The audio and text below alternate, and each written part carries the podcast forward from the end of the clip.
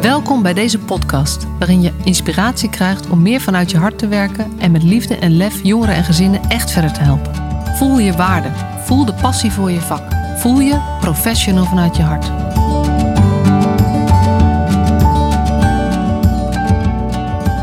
Ja, superleuk dat je weer luistert naar deze nieuwe aflevering van de Professional vanuit je hart podcast. En ehm, ik ga in gesprek met iemand die ik al eerder uh, te gast heb gehad in de podcast. En dat is Suzanne de Ruig van uh, Stichting Jim. Ehm, en je hebt haar eerder kunnen horen uh, in aflevering 7. Zij was mijn eerste gast ooit, toen ik nog echt aan het experimenteren was of dit wat voor me was. Nou ja, jullie weten het resultaat. En we hadden een heel mooi gesprek. Met als, wat als titel meegekregen heeft: Hulpverleners hoeven geen betere hulpverlener te worden. En uh, ik heb ook heel veel positieve reacties gekregen op die podcast. En in de tussentijd is er van alles gebeurd, waardoor ik dacht: het is heel leuk om met Suzanne nog eens verder te praten. En ook um, te praten over het boek wat zij heeft uitgebracht, samenwerkt met uh, Levi van Dam en een heleboel co-auteurs. Maar zij is wel degene met het initiatief, die het initiatief daartoe heeft genomen. En dat boek heet Circulaire Zorg.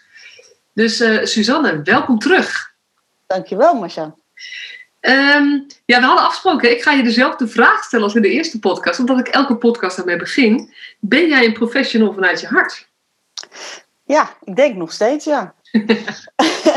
ja, nee, eh, hoe langer je in de zorg werkt en ook weer door het schrijven van het boek, heb ik toch weer anders nagedacht. En ik denk, het, het blijft me raken. Um, professional zijn, maar we zijn ook allemaal ex-jongeren.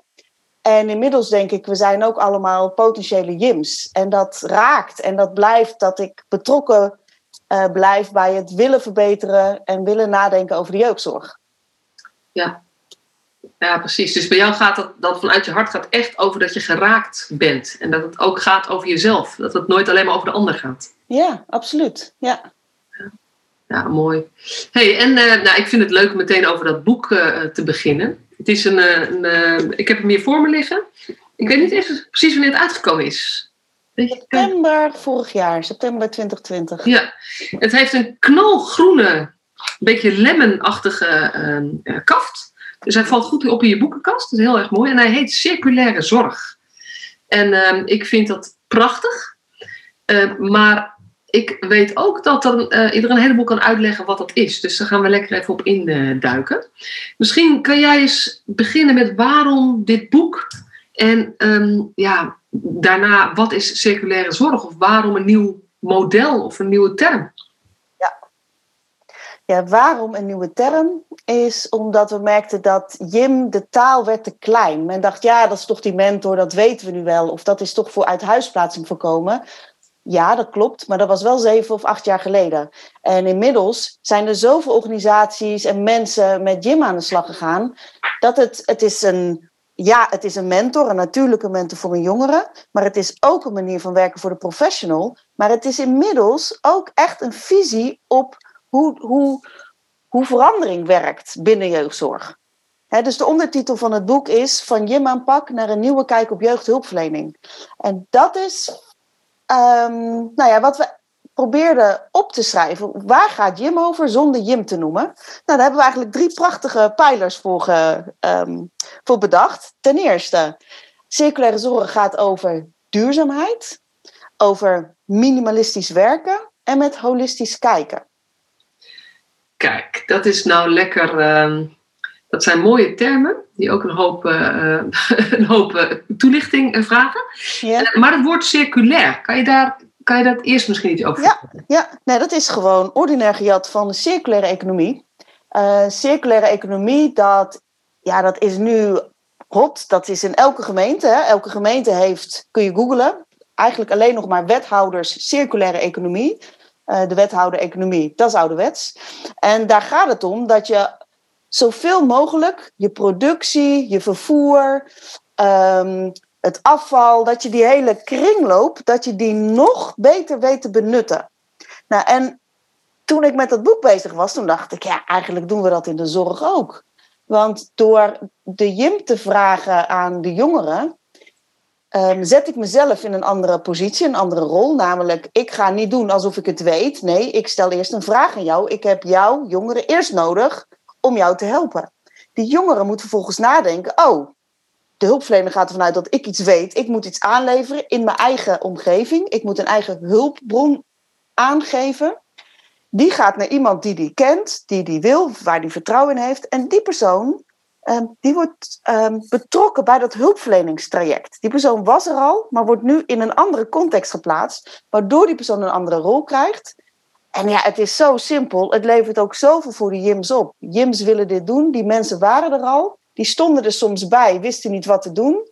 En het betekent ook heel veel voor die JIMS. Nou, als je dat in gedachten hebt, dan lijkt het echt een beetje op een circulair, een, een, een kringloop in kwadraat, zeg maar. Dus het levert meer op voor een jongere, het levert meer op ehm, voor het netwerk, voor de mensen die er al waren, en het levert veel meer op voor die professional. Ja. Ik vind dat circulair, dat we op een andere manier naar zorg kunnen kijken, andere vaardigheden zouden moeten ontwikkelen, want dat levert echt duurzamere en effectievere jeugdhulp op. Ja, ja dus het gaat eigenlijk over het uh, zodanig benutten van, van alles wat aanwezig is al, dat je, heel, dat je zo min mogelijk hoeft toe te voegen. Ja. En wat je gaat toevoegen, dat kan verschillen. En daar moet je over nadenken. En dat is je nieuwe professie. Ja, ja, ja. ja. En, en de grote paradigma shift, andere manier van kijken die daarin zit, is eigenlijk, we gaan niet denken vanuit wat hebben wij te bieden. Maar we gaan, uiteindelijk gaat het daar misschien wel om, maar eerst gaat het eh, heel uitvoerig en heel diepgaand over wat is er al en hoe kunnen we dat inzetten zodat er iets verandert. Ja, precies. precies. En dan waar het vooral om gaat is hè, dat, dat voor hulpverleners denken, ja maar mijn, de jongeren die ik ken of dat gezin waar ik mee werk, dat netwerk is zo beschadigd of die mensen zijn getraumatiseerd of die jongeren zegt niemand te hebben, niemand te willen. Ehm, ja, en dan zeggen wij, joh, maar dat is toch een fundamenteel probleem. Hoe kun je ehm, hulpverlener zijn op een leeg fundament van waar iemand niemand vertrouwt, waar mensen zeggen: Ik heb niemand, daar bouw je toch niks op. Dus um, waar het om gaat is dat wij als professionals, we willen zo graag onze expertise toevoegen. We zijn zo gericht op dat wij die vertrouwensband met die ander aangaan. Dat is ook nodig. Alleen ik zeg, doe dat even op een ander moment. Ga eerst kijken wie is er al kun je relaties wellicht herstellen zodat die mensen er weer zijn? Of kun je aan bepaalde vaardigheden werken zodat een jongere het wel een Jim kan vragen? Want je hebt nou eenmaal relaties nodig in je leven. Het liefst onbetaalde relaties. Anders dan, ja, anders dan help je mensen, maar het is allemaal met betaalde zorg. En er zijn zoveel mensen, hè, dat, dat, dat durf ik echt te stellen, mensen willen heel graag helpen. Mensen hebben moeite met hulp vragen, maar mensen willen wel heel graag helpen. En dat zit heel erg in dat circulaire zorg. Ja, ja en dat vond ik ook zo mooi wat je net eventjes uh, uh, noemde. Eigenlijk een, een Jim die een jongere gaat helpen, krijgt ook heel veel terug. En er gebeurt heel veel voor hem of haar. Dus die helpt op een bepaalde manier ook zichzelf. Ja, absoluut. Wij hebben een aantal, um, er komen Jims, hè, die zijn Jim van de jongeren. En er zijn een paar mensen die uh, benaderen ons. Zo van, wij vinden dit zo goed. En ik snap niet waarom dit er niet al veel eerder was. Um, kunnen we niet iets voor Stichting Jim doen? Dus wij hebben een stuk of uh, acht, negen Jims die bij ons betrokken zijn. En ja, ik weet gewoon uit hun eigen verhaal dat het zoveel voor hun betekent. Hè? Er, is, er is een dame, uh, Wilma, zij vertelt in, in de trainingen vertelt zij altijd heel erg over uh, hoe zij gevraagd is door de buurmeisje, wat ze gedaan heeft. In haar ogen iets heel kleins. Voor het meisje betekent het ja, iets heel veel. Um, en Wilma die, die vertelt heel open over dat zij heel lang last had van depressies. Um, echt zo erg dat ze ook op een gegeven moment niet meer kon werken. En door Jim te kunnen zijn, door zo van betekenis te kunnen zijn voor een ander jong mens, ja, dat doet daar heel veel. En dat brengt daar heel veel. Wordt zij zelf ook echt gezonder van. Ja. Ja, en dit is, dit is echt iets waar, um, waar we zoveel meer gebruik van zouden kunnen maken. Um, ik werk veel met netwerk als ik werk met groepen en zo. Ik ben, ben, altijd al gericht op het inventariseren van wie heb je om je heen. Dus heel veel dingen uh, pakte ik wel op. Maar deze vraag ehm, om aan jongeren niet alleen te vragen wie helpt jou, maar vooral ook wie help jij. Ja, ja, dat, ja. dat brengt zoiets anders teweeg. En, en, nou ja, en dan, kan, dan hebben we het toch over bijna hoe moeilijker, die, hoe moeilijker het leven van de jongeren en hoe meer die al met hulpverlening te maken heeft gehad, hoe minder die het gevoel heeft dat hij nog van betekenis is voor iemand. ja. Dus als we aan die betekenisgeving, maar dit is dan de betekenisgeving van de JIMS, maar ik denk ook de betekenisgeving van de jongeren eh, om wie het gaat, of de andere kinderen in het gezin, of de ouders in zo'n gezin, dan doen we iets wat veel groter is dan het probleem gaan aanpakken waarom er überhaupt hulpverlening in beeld is gekomen. Ja, en ik vind echt, ik durf het best een beetje stelliger te zetten, zeggen. Ik vind het ook best een beetje gek. We zijn als hulpverleners, we willen zo graag fixen, regelen, organiseren, dat we veel makkelijker buurtgezinnen, ervaringsdeskundigen toevoegen. Allemaal mensen die ook willen helpen, maar die niet uit het eigen netwerk van zo'n jongere of het gezin komen. En waarom zouden we niet ten eerste kijken wat en wie is er al in je eigen omgeving? Want dat maakt op een dieper niveau ehm, dat iemand beseft: ik heb me met mijn eigen hulpbronnen heb ik mezelf kunnen helpen met een beetje hulp van een professional. En dat is echt die mindshift ehm, die, waar circulaire zorg ook over gaat. En waar we echt mee bezig zijn door middel van onderzoek, door middel van maar zo. Hè, hoe meer mensen met Jim en met circulaire zorg willen werken, hoe meer we verhalen hebben. Hoe we overtuigd raken van dat het veel simpeler kan en ook veel meer oplevert. En ook ehm, op een ja, veel em- ja, meer empower-achtige manier voor jongeren en gezinnen. En dan niet empowerachtig omdat wij vertellen dat ze het zo goed doen. Nee, En dat wij de positieve benadering hebben. En dat wij eh, de nadruk leggen op de positieve ontwikkeling, zeg maar. ja, Maar empowerend omdat ze zelf dingen oplossen. En aanpakken en regelen en vragen aan mensen en afspraken maken. En er is nog wel een reden. Hij is al, ik ben ook therapeut en ik heb ook gezien dat ehm, de beste psychiater, de beste psycholoog, die kan enorm gelijk hebben. Maar als een jongere ehm, niet wil luisteren, of, of die heeft eigenlijk heel veel vertrouwen nodig van die persoon, daar kun je een half jaar mee bezig zijn. Voordat die jongere vertrouwen heeft dat die ene hulpverlener het goed bedoelt, oké, dan, dan ga ik wel naar die of die behandeling. Ehm, als een jongere zelf iemand mag kiezen, Hè, dus dat, dat is de autonomie die onder die JIM-vraag zit. De jongere mag kiezen. Je gaat ervan uit dat, dat de jongere ook iemand kent. Dus daar zit ook competentie onder. En dat die jongere iemand weet, omdat hij daar een verbinding mee heeft. Dit zijn de drie componenten die onder de zelfdeterminatietheorie vallen. Die zelfdeterminatietheorie gaat erover dat ieder mens autonomie, verbinding en competentie nodig heeft om überhaupt gemotiveerd te zijn voor gedragsverandering. Dus het helpt als, als een jongere zegt: Ik wil wel mijn Jim uitkiezen en eh, tante Annie is mijn Jim. Want daarmee zegt hij: één, ik weet iemand in mijn omgeving die is er, die vertrouw ik. Nou, dat is mooie informatie. Ten tweede geeft hij daarmee een, een enorme boost aan zijn eigen veranderkracht, om het zo maar te noemen. Dus hij, ehm, hij heeft zelf iemand genoemd nou ja, met, met een eigen idee. Je eigen idee vind je altijd net wat beter dan een idee van een ander. Dus dit geeft al meer kans op slagen voor wat daarna gaat komen. Ja. Snap je wat dat zou kunnen betekenen? Ja. Ja. En dat is dat aspect, dat, ehm, ja, dat, dat is wel echt een extra bonus. Want dan zit je op dat procesniveau. ehm, geeft dat, nou ja, extra kracht, extra wind mee, zeg maar. Ja, ja, ja. en ook, weet je, alles wat je zegt kunnen we twintig diepgaandere vragen over stellen. Maar wat ik hierin um, uh, ook hoor, uh, is over het woordje vertrouwen.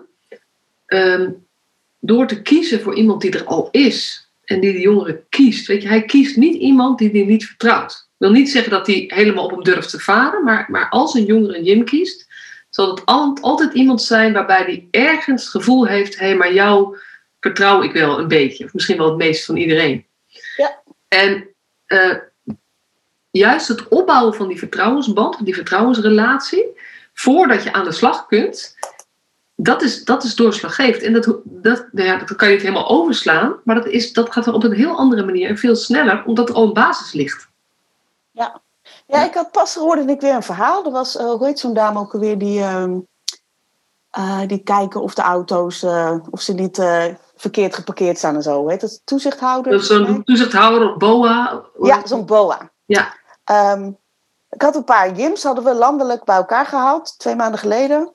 En toen vroegen we door wie werd je gevraagd, hoe is het om Jim te zijn, dat soort vragen. Hè? Ook omdat wij als stichting Jim willen, we willen blijven faciliteren. Wat hebben Jims in het land nou nodig? Wat kunnen wij doen voor hen?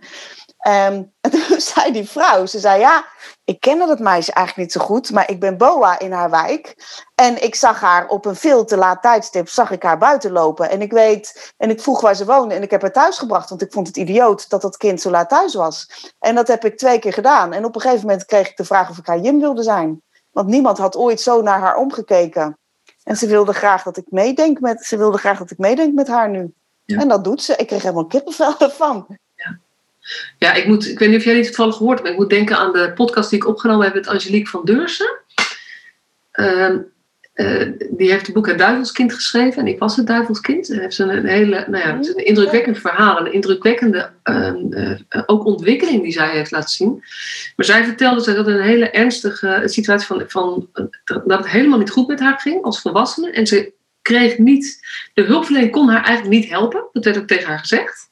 Mhm. En wat uiteindelijk doorslaggevend is geweest, is een wijkagent die zag dat zij vaak op straat uh, zwierf omdat ze nou ja, in de war was. Die op een gegeven moment naar haar toe is gegaan en, en eigenlijk gewoon heeft gezegd van joh, volgens mij moeten we daar even wat mee, dat de buren niet zo gek naar je kijken. Dus de wijkagent en een, een opbouwwerker, een wijkwerker, hebben toen een avond georganiseerd om de buren Ehm, eh, in de omgeving gewoon te vertellen wat er aan de hand is uh, met Angelique en waarom ze af en toe nou ja, laat op straat liep. Um, en dat heeft ervoor gezorgd dat zij deel werd van, nou ja, weer van de gemeenschap daar. Dat mensen niet meer zo gek opkeken, maar ook gingen helpen. En dat daar uh, aan de orde kwam dat um, Angelique ook mensen in de buurt kon helpen met dingen in, met computer, want daar was ze heel erg handig mee. Dus er gebeurde iets in wederkerigheid. En ook niet door een hulpverleningsinterventie, maar gewoon mensen die er waren, die haar zagen en die dachten: hé, hey, maar dit is niet fijn. Hier ben ik even voor jou. Ja. Ja, dat is mooi, een mooi voorbeeld. Ja. ja hey, en, net zo? Ja. Nee, ik wil zeggen, en dan, um, dan kunnen mensen denken van ja, ja, maar hulpverleners moeten er toch zijn. Hè? En dat, dat is ook zo. Hè? En in jouw, kijk, ik vind het vreselijk als een, een jongere of een kind hoort: ja, wij als hulpverleners kunnen niks meer voor je doen. Dat is natuurlijk dat is het vreselijkste wat je kan zeggen, maar ook wat je kan horen. Ja. En, en daar, ik denk, die persoon die dat gezegd heeft, daar wil ik het niet over hebben, maar wel dat we dus een systeem gecreëerd hebben dat het dus zo of-of is. En waar voor mij circulaire zorg heel erg om gaat, is dat het en-en moet worden. En daar hebben we echt wat in te doen, want dat is moeilijker dan het lijkt. Ja. Want nu hebben we het alleen nog maar hè, over die Jim. Wat betekent voor Jim? Dit is alleen nog maar die pijlen minimalistisch. Wie is er al? Kun je relaties herstellen? En hou het zo simpel mogelijk. Voeg niks toe wat niet hoeft. Dat is alleen nog maar dat minimalistische. En dit, dat is al lastig voor heel veel mensen om zo te denken. En wat is dan het lastigste wat je terug hoort? Wat vinden mensen, wat vinden professionals het lastigste hieraan? Nou, ik denk dat men, um, hè, wat we als we training geven, wat we merken waar mensen tegenaan lopen, is ten eerste die Jim-vraag stellen. Dat kan iedereen. Dat is een paar woorden achter elkaar zetten. Maar dan gaan mensen antwoord geven. En die antwoorden, ja, dan kan een hulpverlener zich klemgezet voelen. Hè? Want iemand kan zeggen, ja, ik heb niemand of ik wil niet. Of een jongere geeft een antwoord en dan zegt die moeder, ja, heb ik helemaal geen zin in. Of hoe verzin je het? Dan hou ik ermee op. Wat doe je dan? Of um, een netwerk waarvan je denkt, ja, ik vind het heel spannend als die persoon uit de buurt die in wordt, want die ken ik helemaal niet. Volgens mij heeft hij een hoop foute vrienden. Wat doe je dan? Snap je? Dat maakt het al heel ingewikkeld voor een hulpverlener. Ja, dus de, de vraag stellen en het, zeg maar, in principe achter dit principe staan met het is goed als, dat is, dat is niet zo lastig, want dat gelooft iedereen wel. Ja, precies. Maar het is eigenlijk als je vanuit die, nou ja, die overtuiging eh, een vraag stelt en dan komt er een ingewikkeld antwoord, dan komt het er eigenlijk op aan. Ja, en het antwoord is niet eens zo ingewikkeld. Hulpverleners vinden het ingewikkeld. Ja, mooi. Ja, ja. dat moet ik mezelf zeggen. Ja, ja want ja, ik, kijk, en als een jongere een JIM kiest, dan, dan vergt het best wel veel vakmanschap om als hulpverlener te durven denken: oké, ik ga nu niet normerend denken over deze Jim. Dit is gewoon zoals het is. Dus als een jongere de drugsdealer uit de straat kiest, dan zegt dat heel wat. Dat op de hele wereld jij die ene persoon het meest vertrouwt. Daar hoef je niet zoveel van te vinden over of dat een goede of een slechte Jim is. Dat geeft vooral heel veel aan in welke staat deze jongere verkeert. Namelijk dat dit de beste persoon is waar die op kon komen. Of het een, de enige waar die vertrouwen in heeft dat hij ja zou zeggen. Snap je? En zo leren denken, dat is wel een beetje anders. En je moet dat expertise, het, het weten, het eerst de analyse willen doen, eerst uh, willen weten wat gaat het probleem over of wat zou de oplossing zijn. Dan moet je even loslaten, ten eerste. Nou, en, en, dat vind ik ook wel leuk, het voorbeeld van zo'n drugsdealer. Ik heb natuurlijk ook gewerkt met jongeren die terugkwamen uit detentie, waarbij dit ook zo'n issue was. Want ja, een heel groot deel van de wereld waarin zij leven, Ehm, zijn mensen die ook met, uh, met politie en justitie in aanraking zijn. Ja, ja. Ehm, maar wat ik dus gemerkt heb, is dat, dat heel veel, uh, nou ja, noem maar even de drugsdealers, als zij benaderd worden om een jongere te helpen, gaan zij echt ook tegen de jongeren zeggen, bijna altijd: hé hey joh, maar dit is niet echt het leven wat je, wat je volgens mij voor jezelf wil. Dus, dus ook mensen die misschien in onze, in, ja, volgens de wet dingen doen die niet mogen, hebben vaak echt het beste voor met de jongeren. En die, durven, die gaan ook kijken buiten wat zij nu zelf doen of hoe zij nu zelf leven. Dat is niet voor mijn ervaring. Ja, en het, kijk, en die, die, even los van wat ik ervan vind, hè, maar de, die drugs, die, ja, die drugsmeneer of mevrouw, die, ja, die heeft wel een bepaalde levenservaring die ik als hulpverlener niet heb. Ik, ik ben niet verslaafd aan de drugs geweest. En als een jongere dat wel is of denkt ik ben dat, dan, ja, dan is dat iemand die snapt waar die staat, waar die vandaan komt. Of ehm, hè, als je een oom kiest of iemand die ook niet zo heel erg gewaardeerd wordt door de, door de gemiddelde burger. Ja, maar als, als dat is waar je staat in het leven, die geeft jou wel de meeste erkenning. En dat is wel waar je het mee moet doen. En die snapt jou ook. Die snapt je ook. Dat is natuurlijk een van de problemen uh, die we volgens mij hebben. Dat uh, veel uh, mensen die we willen helpen, groeien op een heel andere manier op of leven op een heel andere manier dan de gemiddelde hulpverlener leeft en opgegroeid is. Dus het kunnen begrijpen van, je, uh, van de mensen met wie je werkt, de jongeren en de ouders. Uh, het is heel moeilijk om vanuit onze witte middenklasse um, je te verplaatsen. En hoe is dat nou als je, als je opgroeit in armoede, in een, in een gezinssysteem waarin geweld ja, en, en of het dan groot of klein geweld is, gewoon normaal is, dan moet je, kan, kan eigenlijk iemand alleen maar helpen die dat echt ook begrijpt of voelt hoe dat is of weet hoe dat is, denk ik. Ja, en niet alleen, want daar komt dus weer, de, ja, ik noem dat de driehoek. Het, ik vind het als iemand klem zit, ergens last van heeft, dan vind ik dus echt een synergie wanneer je dus en een natuurlijk mentor, een Jim, kan koppelen aan een hulpverlener die met die Jim kan samenwerken om het voor die jongeren of voor dat gezin beter te maken. Ja. Want het is dus echt en-en. Het is niet of-of. Nee. Want als je dat zegt, dan krijg ik weer voorbeelden in mijn hoofd van dat mensen zeggen: ja, maar ja, alleen met die en die, ja, zo kom ik er ook niet. Of uh, weet je, we hebben allebei toegevoegde waarde. Alleen wat ik zie is dat het zo slecht bij elkaar komt. Ja. ja. En daar hebben we echt wat in te leren. Ja. En, maar het hele systeem, want in je eentje, ik, ik heb zat professionals gezien die heel enthousiast over Jim waren, maar dan gingen ze weer terug in hun huidige werk en dan lukte het niet.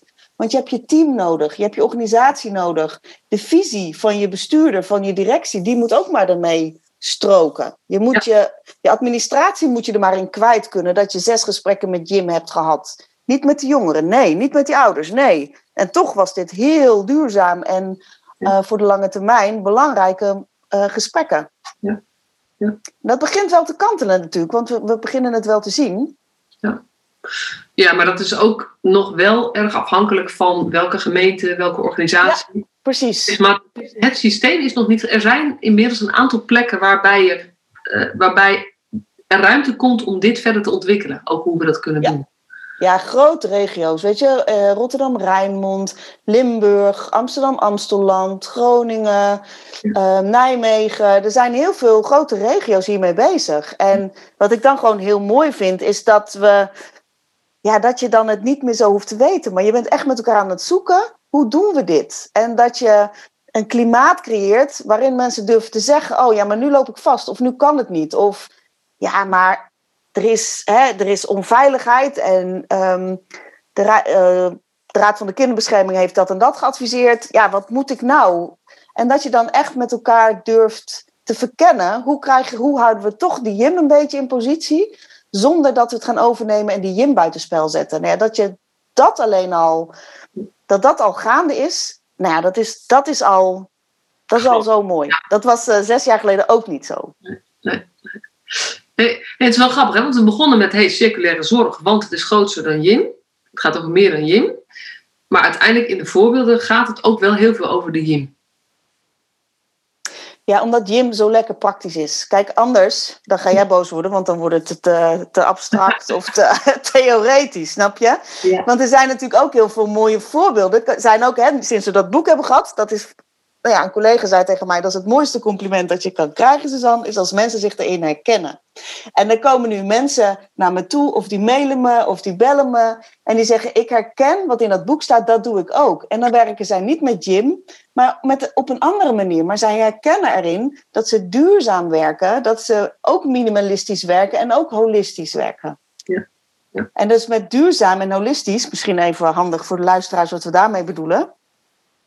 Um, dat duurzaam, dat betekent dat we niet beginnen bij de hulpvraag, maar waar iemand last van heeft.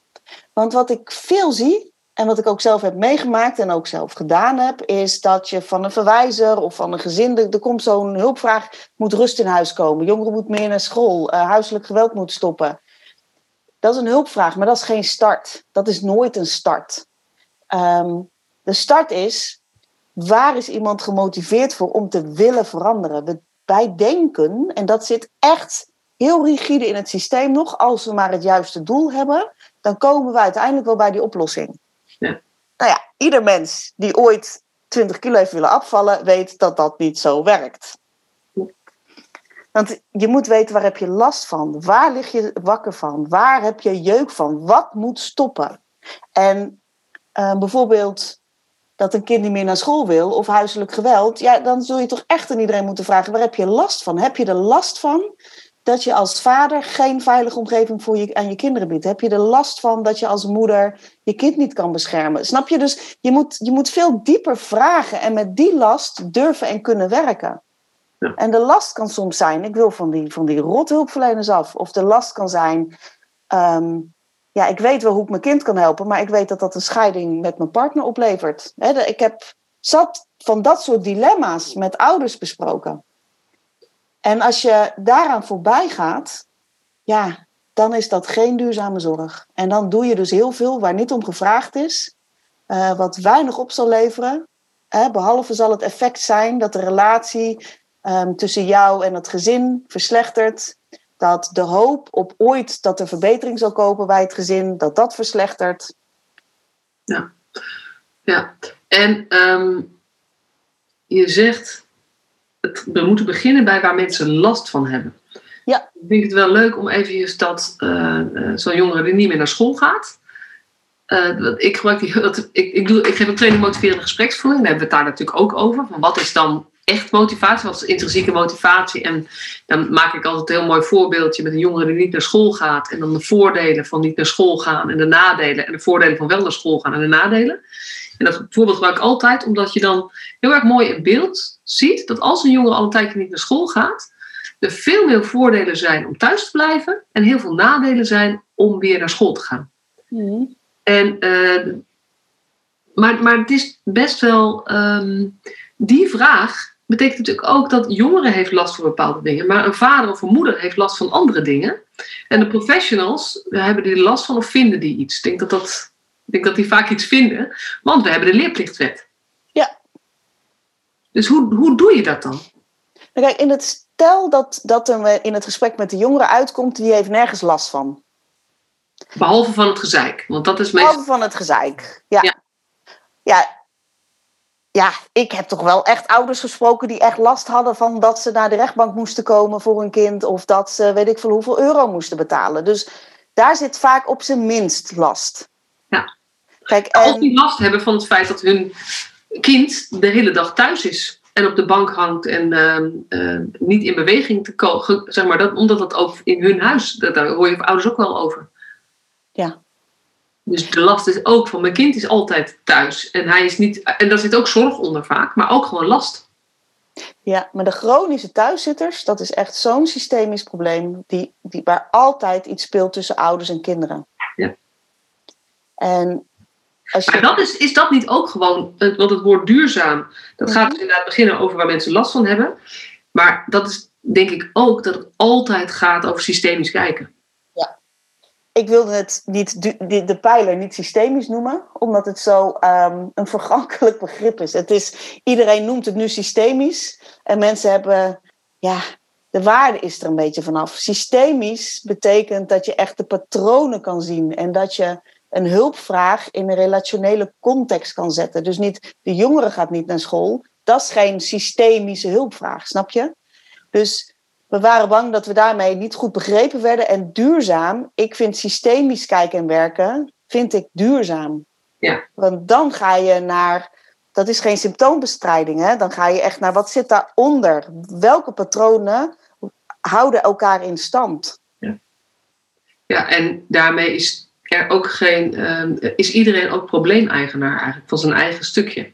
Ja, precies. Want het is iets wat ook in dynamiek ontstaat. Dus het is natuurlijk, ja, dit, dit zijn die chronische thuiszitters heb ik ook vaak mee gewerkt, zeg maar, veel mee gedaan. En ehm, het trekken aan de jongeren, op wat voor manier dan ook, is vrijwel nooit de, het omslagpunt. Dat zit bijna altijd ergens anders. Ja. Kijk, en met duurzaam, dat, daar hebben we een heel hoofdstuk over geschreven. Ehm, ik denk nog wel, het ik vind de hulpverleners vaak het boeiendste hoofdstuk. Want dan gaan we ook iets uitleggen over hoe je in de interactie tussen jou en het gezin, hoe je daar invloed uit kan uitoefenen. Hoe daar ook veranderkracht eh, of motivatie ehm, kan beginnen. Ehm, en dat heb ik eigenlijk ook nooit eerder op de HBO gehad, behalve toen ik de systeemopleiding ging doen. En ik vind dat erg waardevol, omdat je dan kan, je kan een soort van je interactie, je gesprekken met, met de ander, kun je een soort van analyseren. Is dit een, een rode interactie of een groene interactie? Snap je? Kunnen we door of moet ik eigenlijk enorm stilzitten? Ehm, hè, je, moet, je gaat stagnaties herkennen. Je gaat herkennen wanneer je eigenlijk aan het overtuigen bent, maar dat heeft een averechts effect. Ja. En dat helpt vooral ook als je dus ehm, die Jim-vraag stelt en je krijgt een lastig antwoord. Wat doe je dan? Nou ja, dat, dat zit dus heel erg in die interactie. Hoe hou je, hoe kom je tot een goede samenwerkingsrelatie? Waar mag je het over hebben? Hoe heb je met elkaar een constructief gesprek? En als mensen niks willen, uh, durf dan ook die kant op te denken. En te zeggen, goh, als dit, dit of dat niet wil, nou dan ga ik hier weg zometeen. Hoe zou dat verder, hoe zou dat helpend zijn voor jullie? En dat is interessant, hè? Want de interventie, als u geen vraag hebt, kunnen wij niks voor u doen, die bestaat natuurlijk heel lang. Maar de kracht zit in het toevoegen van de vraag: en hoe zou dat dan voor jullie zijn? Ja, leg me eens uit hoe, dat, hoe je dat helpt. Ja. Hoe helpt je dan hiermee verder? Ja. En dan, dat, dat is echt best wel spannend om te doen. Want ik weet ook nog heel goed, ik stond uh, met een gezinsvoogd aan de deur bij een, een moeder en een dochter. En er was net uitgekomen dat die stiefvader, moeder had die, die stiefvader inmiddels het huis uitgezet, maar die had haar dochter seksueel misbruikt. En er was een OTS uitgesproken, maar die, die gezinsvoogd kwam niet binnen, want die was een paar keer binnen geweest, maar die had zulke stomme dingen gezegd volgens die moeder, dat die moeder zei, jij komt hier niet meer binnen. En um, ja, met alle onmacht die die gezinsvoogd voelde, zei ze van, ja, wil jij dan, hè? toen deed ik nog MST. Um, ik zou heel graag willen dat iemand hier binnenkomt. Het, weet je, het maakt haar bijna niet meer uit, maar ze wilde zo graag wel, ze gunde hulpverlening aan dit gezin.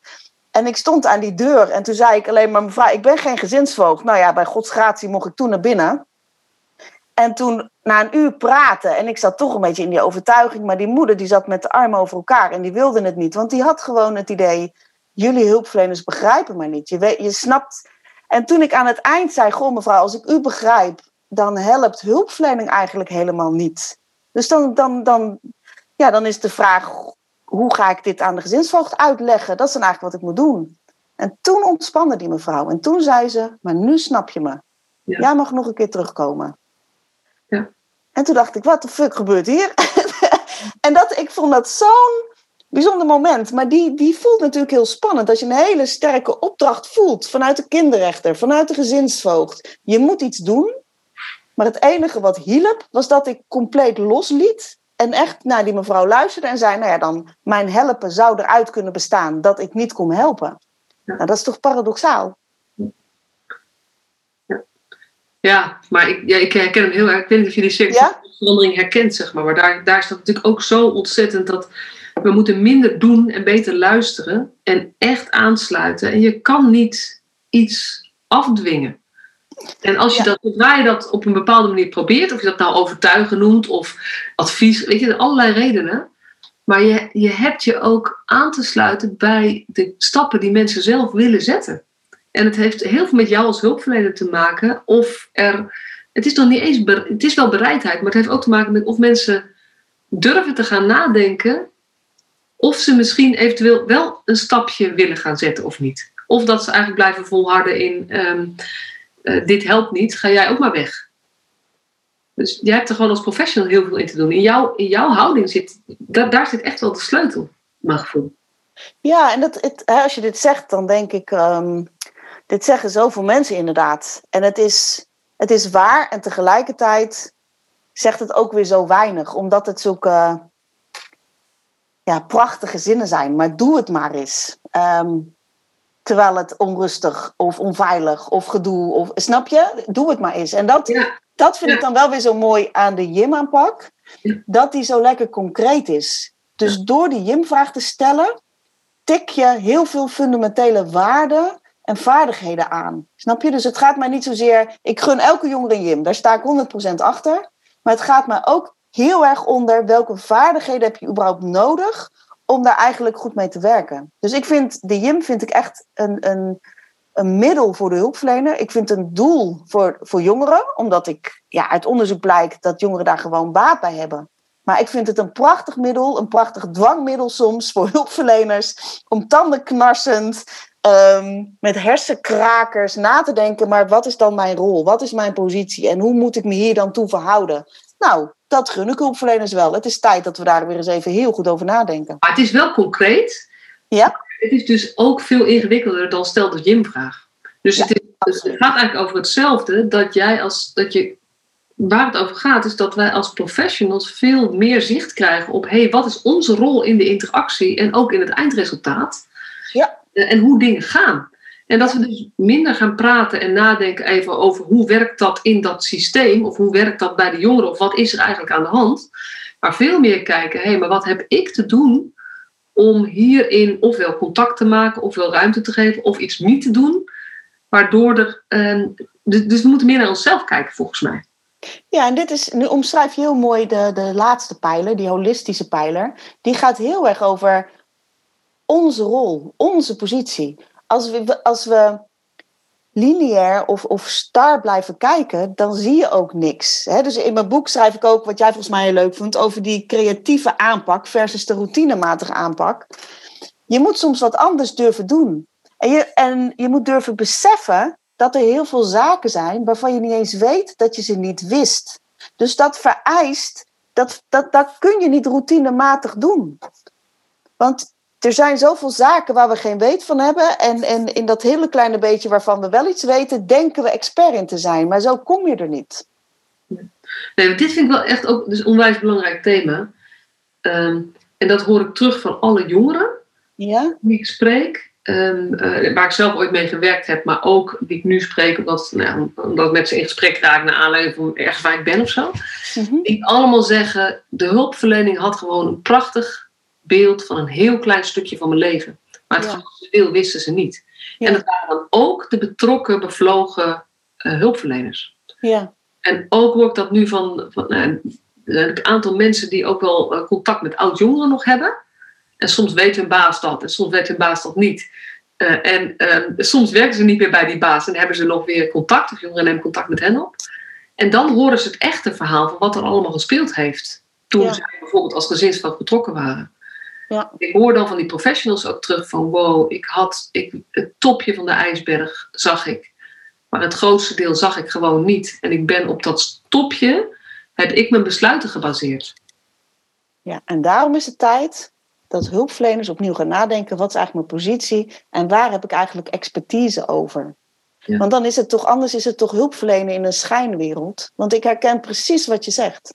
Ja. Ik heb ook een jongere, die heb ik twee jaar geleden nog een keer opgezocht. Toen was zes jaar daarvoor had ik daar um, hulp verleend. En er wilde een journalist wilde heel graag een jongere spreken. Dus ik ging, ik ging naar die ouders en die jongeren toe. Die jongere woonde inmiddels bij zijn Jim, zijn opa. En hij vertelde van, joh, dan waren jullie weer weg. En die, mijn moeder die had de mooiste verhalen. En dan was je weer weg en dan ging het gedrag gewoon door hoor. Maar ze kan gewoon heel mooi meepraten. Ja. En toen vroeg ik me, wat heb, je dan, wat heb je dan überhaupt aan hulp gehad? En toen zei hij, en dan is even weer uh, in mijn eigen straatje praten, maar dat is dan zo. Hij zei, ik heb er veel aan gehad dat jullie bleven doorzeuren over die Jim. Want daardoor kon ik wel naar mijn opa blijven gaan. En ik woon nu bij mijn opa, want ik wist, als ik oud genoeg was, ik zou zo snel mogelijk bij mijn ouders weggaan. Ja. Ik ben gewoon maar even stil. Ja, ik, ik, vond het dramatisch. Hij vertelde in uh, tussen neus en lippen door dat hij ook nog een keer op het spoor had gelopen. Dat hij dacht, ik maak er een einde aan. En toen dacht hij, nou ja, ik ga toch maar naar mijn opa. En het enige wat ik toen kon denken is dat ik dacht, mijn god, wat fijn dat ik heb lopen blijven zeuren over die, over die Jim daar. Want moeder wilde het nou ja, En wat is, wat is ook is, je bent niet blijven zeuren over veiligheid, onveiligheid. Want dat is wat we als hulpverleners natuurlijk ook als opdracht voelen. Mhm. Wat jij ook net noemde, en wat ook best wel veel druk geeft om dan maar in te grijpen of te beslissen. We gaan dan het over veiligheid hebben, maar dan over het stukje wat voor ons zichtbaar is. Ja. En, maar die jongeren, dat is een heel mooi onderzoek. Dat heeft uh, uh, Arvid Knecht, die werkt bij Enver, Rotterdam, heeft een heel mooi onderzoek gedaan over hoe werkt Jim eigenlijk als het zo onveilig is. En hij heeft een paar jongeren, een paar gezinsvoogden en een paar professionals gesproken. En wat, het mooiste wat ik vond wat eruit kwam, is hulpverleners zijn gericht op fysieke veiligheid en JIMS op emotionele veiligheid. Ja. En jongeren, die willen vooral dat laatste. Ja. En toen dacht ik, wauw, wat weten we nog een hele hoop niet. En ik zeg ook niet dat Jim met het. Uh, ik, denk dat, ik denk dat Jim een hele mooie richting is. En dat we daar naar moeten luisteren en vooral moeten omarmen wat we niet weten omdat er heel veel mensen zijn die andere dingen weten. En dan laten we dat opnieuw bij elkaar brengen. Ja, ja. ja maar de, de kracht van het erkennen dat wij het niet weten, mhm. dat, is, nou ja, dat, is, dat is al het begin, zeg maar. Want dat, vinden, dat, dat vinden we als systeem heel erg moeilijk. Dat vindt de samenleving ook moeilijk te accepteren, dat wij het niet weten. Absoluut. Dus daar zit ook maatschappelijke druk uh, heel erg op. Ja. Uh, want wij moeten het weten en wij moeten ook alles voorkomen. Ja, en het moet altijd een zeven zijn, minstens. ja, precies. En uh, dat is natuurlijk de, die druk, die voelen hulpverleners ook zo erg, die ik ook zo goed begrijp. Ja. En ik denk dat wij met z'n allen vanuit het systeem, of als hulpverleners, of nou ja, mensen die dan die kans krijgen om dat te, te noemen, ook publiekelijker te noemen, dat we moeten gaan uitleggen dat we het niet weten en dat we heel veel dingen ook niet kunnen voorkomen. Dat dat ja, dat, het, dat het eigenlijk gaat over een soort van. We moeten hier ook veel meer met z'n allen in optrekken. Want duurzame zit, en holistisch zit natuurlijk ook in uh, dat we niet, als er problemen zijn, kan je dat niet uitbesteden aan de hulpverlening. Nee, er zijn ook, ik weet niet wie dit zegt, maar ik heb wel stukken gelezen. We moeten ook ophouden met dat doorschuiven, doorverwijzen. Niemand heeft daar baat bij. En het is, heel, het is ook vrijwel nooit zo dat als jij het niet weet, dat degene naar wie je doorschuift het wel weet. Nee. En dat is ook, mensen onderschatten vaak, die, die denken vaak te klein over hun eigen expertise of hun eigen dingen. En die denken mensen met meer kennis weten het dan wel. Ja. Maar dat is heel vaak, ja, dat is ook een soort van illusie die niet, uh, die niet zo is. En dan kom, je dus, nou ja, dan kom je dus op dat grotere veld waar het naar mijn idee dus over gaat. Is dat we op zoek moeten naar een nieuwe kijk op wat is goede jeugdhulp. Ja. En daar hebben we met dit boek hebben we echt een poging toe gedaan. We, we beseffen wat we niet weten. Hè? hoe meer je weet, hoe meer je beseft, hoe weinig je weet. Nou ja, dat, daar zit ik absoluut. Ik heb geen idee. Maar ik vind het wel heel boeiend. En je, je gaat wel patronen zien. En ik denk echt hoe, ik zou heel graag een beweging willen krijgen dat mensen met elkaar nadenken. Hoe kan het circulairder in de zorg? Ja. Waar we allemaal beter van worden. Zonder dat het zonder dat het perfecte plaatje er moet zijn. En dat is natuurlijk ook het mooie. Ehm, we hebben van de week ook weer, uh, weer koffie zitten drinken en uh, thee geloof ik was het. Maar, maar waar we ook achterkwamen, we zitten qua visie zo hetzelfde. Want het vraagt een ander soort professionaliteit. Niet professionaliteit op de kennis die je hebt over, maar veel meer professionaliteit op houding en jou, jezelf ook kennen in de, de dynamiek die er nu eenmaal is als jij met mensen werkt. En wat kun je daar wel in en wat kun je daar niet in? Ja, en, dan, en ik zeg, het begint bij visie. Want anders ga je omvallen met welke houding of welke vaardigheden heb ik dan nodig. Maar als het begint bij visie, dan, dan gun je jezelf wat leerruimte om die vaardigheden en die houding eigen te maken. Ja. En die visie heb je eigenlijk gewoon zo mooi uitgelegd, is we moeten toe naar zorg, jeugdzorg, maar volgens mij, weet je, je zegt jeugdhulpverlening staat op de kap, maar eigenlijk gaat het over jeugdzorg, maar het liefst ook GGZ, liefst ook verstand, uh, zorg voor mensen met een verstandelijke beperking, liefst ook, zeg maar, weet je, jullie focus ligt bij jeugdzorg, maar het is natuurlijk veel breder dan dit. Het is veel breder. Het is, um, ik merk ook dat uh, mensen die met jongvolwassenen werken, die met verslaafden werken, met, um, met, met zwerfjongeren, het is. Um, veel mensen herkennen hier iets in. En ik weet niet wat, wat zij hiermee kunnen doen, want ik ken hun werkcontext onvoldoende. Ja. Maar mensen gaan hier wel op aan. Zelfs, ik, had, ik heb een paar echt hele leuke gesprekken gehad um, met het project in Amsterdam. Um, er is ook een landelijk project over die, dat jongeren zoveel te dik worden. Ja. En ja, daar lopen ze ook aan. Weet je, een, life, een leefstijl verander je niet zomaar. Dus we hebben hele leuke gesprekken gehad hoe Jim voor die, voor die motivatie zorgt. En we weten nog niet hoe. Maar het is een leuk contact omdat we denken, hier komt iets bij elkaar.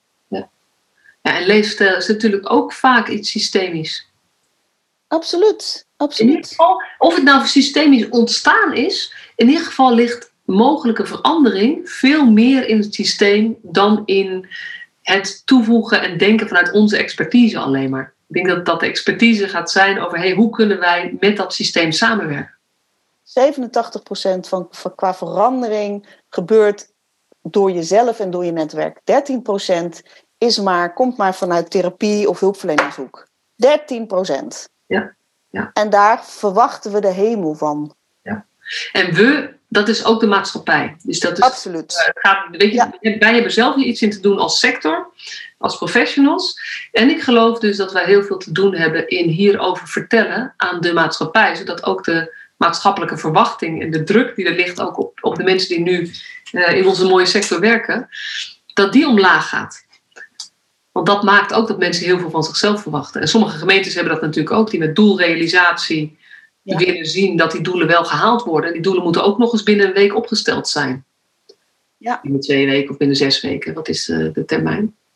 En daarmee worden, zes weken, ja. ja. daarmee worden professionals zo vastgezet dat ze geen beweegruimte meer voelen. En, en daar, gaat, daar, daar is ook een maatschappelijk debat voor nodig. En uh, denk ik ook is die visie, het delen van die visie en uitdragen van die visie is, eh, is gewoon heel erg helpend en, eh, en uh, verrijkend. En ik hoop dat mensen erdoor aan het denken gezet worden. En niet alleen professionals, maar ook mensen in beleid. Ja, absoluut. Absoluut, helemaal waar. Ja. Hey, um, nou, we hebben het mooi, een, circulair heet ook eens met rond. We hebben het mooi rondgepraat volgens mij. ja. is er nog iets waarvan je denkt dat is niet aan de orde gekomen en wil ik toch nog toevoegen? Of wil ik nog wil ik extra benadrukken? Hmm, nou, ik, ik denk wat ik wel. Nee, iedereen die de Jim kent of misschien een Jim-training heeft gehad, we hebben ook zelf heel erg nagedacht. Hoe brengen wij nou zelf dat gedachtegoed goed aan de man, aan de mens? En zelf zaten we natuurlijk ook een beetje in onze eigen principes te porren. Door, ja, we willen niet overtuigen, maar we denken wel dat dit heel goed werkt. En waar wat ik wel leuk vind om te, om te laten weten, is dat wij nu eigenlijk heel erg ons richten op het opleiden van JIM-trainers. Dus niet wij doen meer alle trainingen. Wij leiden nu het liefst mensen op dat mensen in hun eigen, in hun eigen organisatie JIM-trainer kunnen worden. Ja. Want dan train je je collega's, je bent gelijk bezig met de borging, hoe werkt het hier? Um, dus ik dacht, ja. Vind ik leuk om nog even te noemen. Om uh, te laten weten dat wij ook intern als stichting bezig zijn. Hoe moeten we de gyms faciliteren? Wat hebben professionals nodig? Hoe brengen we onze training zo goed mogelijk aan, aan de mens? Ja, dat is misschien voor mensen die er nog niet zo is, het wel goed om te weten. Weet je, gymtraining is dus niet het trainen van de gym. Maar gymtraining is het trainen van de professionals die willen gaan werken of die al werken met, um, met gyms. Juist, heel goed. Dat wordt wel eens. Uh, het zorgt wel eens voor verwarring, klopt. En dat is ook wel een vraag, want, um, en dat vertelde je ook dat jullie daarmee bezig zijn: van wat hebben gyms nou wat zouden gyms nou meer willen krijgen? En dat zit in ieder geval niet in een soort standaard geprotocoliseerde training. Absoluut niet. Nee. nee we hebben wel. Um, we hebben pas een, een, ehm, een, stagiaire gehad en die heeft dat goed uitgezocht voor ons. Wij dachten, we moeten gyms verbinden. Moeten we misschien een forum of een platform? En toen zei ze, nou, voor nu zeggen gyms vooral heel, heel goede informatie te missen. Want hulpverleners die werken soms net met Jim en die Jim heeft honderd vragen. En die hulpverlener kan het niet altijd allemaal maar oplepelen. Dus we hebben natuurlijk wel een website, maar we eigenlijk die, die um, het advies die nu bij ons ligt is: zorg voor zulke goede vragen die, die, die Jim kan hebben. En zorg dat die Jim die altijd en overal kan opzoeken. En desnoods samen met de hulpverlener. Dus dat is waar we mee bezig gaan. Precies. Heel mooi. Ja. En volgens mij mensen, als mensen daar ons bij willen helpen, dan uh, mogen ze zeker een contact met me opnemen. Ja. ja, en tegelijkertijd, dat is ook iets van de Jims. Want die weten welke vragen ze hebben, zeg maar. En hoe ze dat, um, ja. hoe ze dat ook het liefste uh, zouden willen lezen, horen, uh, zien, kunnen nazoeken. Soort, dus, dus ook dit moet niet iets van professionals zijn. Nou, daar waken jullie wel voor, maar dat is wel, denk ik, ook weer goed om te noemen. Weet je, professionals kunnen helpen hoe we dit kunnen faciliteren voor Jims. Nee, maar Jims wel. En wij weten nu, heel, wij weten nu heel goed wat Jims willen, wat ze hebben aangegeven. Want daar hebben we dus onderzoek naar gedaan. Um, ja, en dat gaan we proberen vorm te geven. Ja, ja heel mooi. En professionals geven aan, wij willen eigenlijk wel verbonden worden. Wij willen leren van elkaar en wat speelt er en samensparren. Dus dat was voor ons ook wel weer boeiend. Ja. Dat we dachten, ah, ja. het is net anders dan je denkt. Je moet het gewoon aan mensen zelf vragen en dan heb je het antwoord. Ja, ja. Ja, en volgens mij heb ik het nog niet gezegd, maar wat ik natuurlijk wat ik wel heel mooi vind, is dat er staat een hoofdstuk in jullie boek over de professional. En dat heb, mocht ik van jullie schrijven. Dus ja. dat is ja. een hele gave verbinding. Omdat, um, ja, dat is een leuke link. Die, uh, ja. ja. En jullie hebben de visie gewoon veel meer uitgewerkt. En ik doe daar ook wel iets mee, maar nou ja, weet je, daar kan ik ook weer uh, voortbouwen op wat jullie al opgeschreven hebben. Ja, waar we het wel eens over gehad hebben. Ik vind echt, um, om een goede hulpverlener te zijn, moet je jezelf heel goed snappen en weten waar je invloed op hebt en waarom je op sommige dingen reageert. Ja, en dat vond ik in jou. Ik dacht, ja, dat ga ik niet zelf opschrijven. Dat heb jij al opgeschreven. Ja. Dus vandaar vind ik het heel leuk dat je dan ook weer in ons boek staat. Dat, is, uh, dat maakt het leven leuk met dit soort kleine dingen. Precies. En zo maken we, zo, zo doen we, zeg maar, door samen te werken ook, uh, proberen we nou ja, de jeugdzorg beter te maken. En uh, zo zijn er veel meer met ons. Uh, en, ja. uh, gelukkig maar. En, en dat is ook inspirerend en supermooi om, om al die verhalen te horen. Dus dank je wel weer voor dit mooie gesprek en jouw diepgaande uitleg. Graag gedaan. Daar ben jij gewoon ontzettend goed in. Want lieve mensen, als je met Suzanne doorpraat, nou dan krijg je nog veel meer waar je over na gaat denken. Dus dat is absoluut de moeite waard. En ik wens je een, een lekkere vakantie, want we hebben allemaal onze vakantie nog voor de boeg. Yes. Fijn hè? Jij ook fijne vakantie, Masha. Ja, heerlijk. Lekker zin in. Ja. Doei. Oké, okay, doei doei. Superleuk dat je weer luisterde naar deze podcast. Dankjewel. Nog even kort een paar belangrijke dingen. Ten eerste, het is mijn missie dat de jeugdhulp weer een sector wordt waarin bevlogen, liefdevolle professionals jongeren en gezinnen echt verder helpen. Daarom maak ik deze podcast voor jou. Wil jij deel uitmaken van deze beweging van Professional vanuit je hart, waarin professionals elkaar steeds opnieuw inspireren? Begin dan met het lezen van mijn boek. Je kunt de eerste hoofdstukken helemaal gratis lezen. Ga naar professionalvanuitjehart.nl/slash boek. Ten tweede, wil je alle podcastafleveringen overzichtelijk onder elkaar? Abonneer je dan op deze podcast. Klik in je podcast-app op de button subscribe of abonneren. En elke keer als er een nieuwe podcastaflevering gepubliceerd wordt, ontvang je automatisch een berichtje. Ten derde, ondersteun je mijn missie? Geef me dan een review via je podcast-app, bijvoorbeeld iTunes of Spotify. Op die manier kan ik nog meer professionals bereiken. En ken je een collega voor wie deze podcast ook interessant is? Dan zou het super zijn als je hem of haar de podcastaflevering doorstuurt. Bijvoorbeeld door de link te kopiëren via Spotify. Ik vind het altijd heel leuk om berichtjes te ontvangen van luisteraars. Om te horen wat je van een podcast vindt. Of als je misschien vragen of suggesties hebt. Of als een aflevering je een bepaald inzicht heeft gegeven of er iets in beweging is gekomen. Stuur me dan even een berichtje op masha.professionalvanuitjehart.nl via de website of stuur me een connectieverzoek op LinkedIn.